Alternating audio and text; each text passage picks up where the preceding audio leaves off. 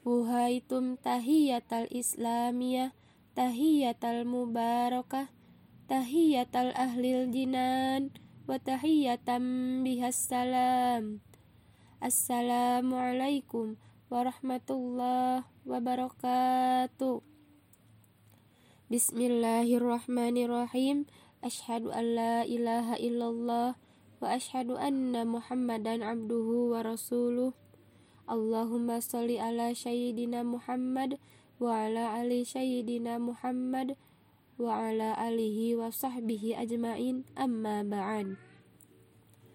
Rabbi srahli sadri wa yassirli amri wahlul uqdatam min lisani yafqahu qawli. Ya fatahu ya alim. Pertama-tama dan yang paling utama marilah kita panjatkan puji dan syukur kehadirat yang telah menciptakan pewaris mendunia yang mana tidak akan bertahan satu jika tidak ada dua. Sehingga terciptalah langit dan bumi, bulan dan bintang, lautan dan daratan, si cantik dan si buruk rupa, hingga sempurnalah kehidupan di alam semesta ini.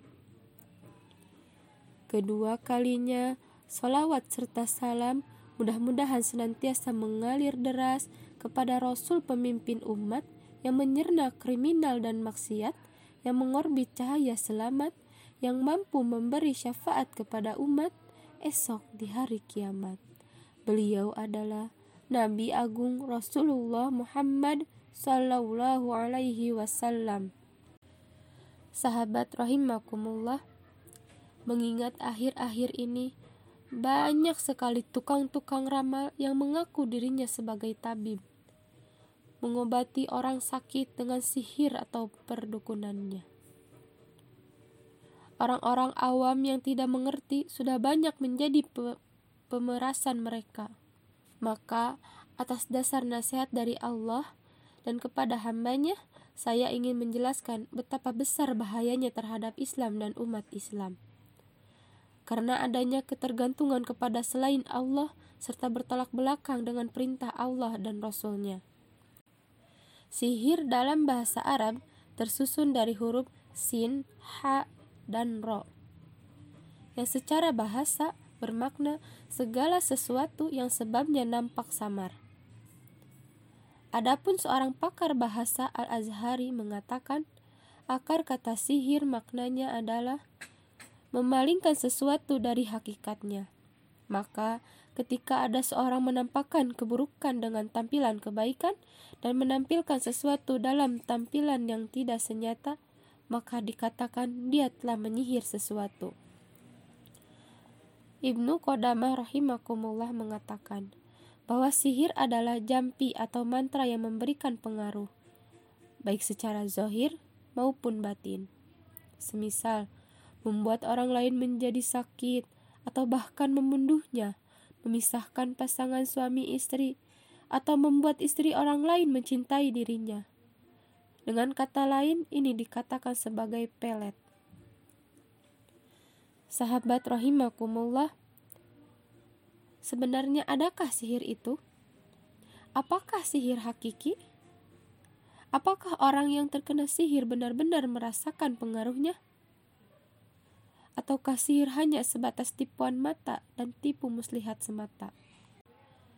Adapun ahli sunnah wal jamaah meyakini bahwa mungkin saja ada orang yang bisa terbang di angkasa, bisa merubah manusia menjadi keledai, atau bahkan sebaliknya.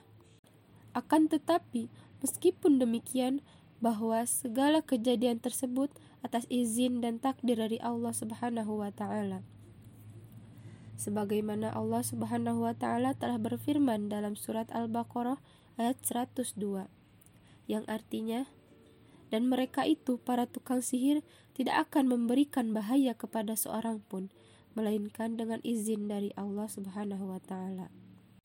Sahabat rahimakumullah, Rasulullah Shallallahu alaihi wasallam bersabda, Jauhilah dari kalian tujuh perkara yang membinasakan Para sahabat pun bertanya, Wahai Rasulullah Shallallahu Alaihi Wasallam, apakah tujuh perkara tersebut? Rasulullah Shallallahu Alaihi Wasallam pun menjawab, yang pertama adalah menyekutukan Allah, yang kedua sihir, yang ketiga membunuh seorang yang Allah haramkan untuk dibunuh, yang keempat mengkonsumsi riba, yang kelima memakan harta anak yatim, yang keenam kabur ketika di medan perang, dan yang ketujuh menuduh perempuan baik-baik dengan tuduhan zina. Semoga kita dijauhkan dari perbuatan yang demikian itu. Sahabat rohimakumullah, lalu kapirkah tukang sihir itu? Allah Subhanahu wa taala berfirman yang artinya dan Nabi Sulaiman tidaklah kafir, akan tetapi para syaitanlah yang kafir. Mereka mengajarkan sihir kepada manusia. Sehingga Iman Az-Zahabi rahimakumullah berdalil dari ayat di atas untuk menegaskan bahwa orang yang mempraktikkan ilmu sihir maka dia telah kafir. Karena tidaklah para syaitan mengajarkan sihir kepada manusia melainkan dengan satu tujuan, yaitu agar manusia menyekutukan Allah Subhanahu wa taala.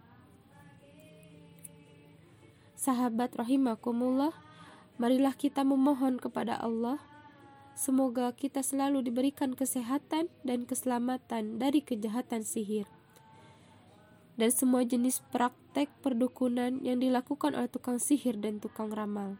Kita memohon pula kepadanya agar kaum muslimin terjaga dari kejahatan mereka. Dan semoga Allah memberikan taufiknya kepada penguasa umat Islam agar senantiasa berhati-hati terhadap mereka dan melaksanakan hukum Allah dengan segala sanksinya kepada mereka sehingga manusia menjadi aman dan kejahatan dan segala praktek keji mereka lakukan.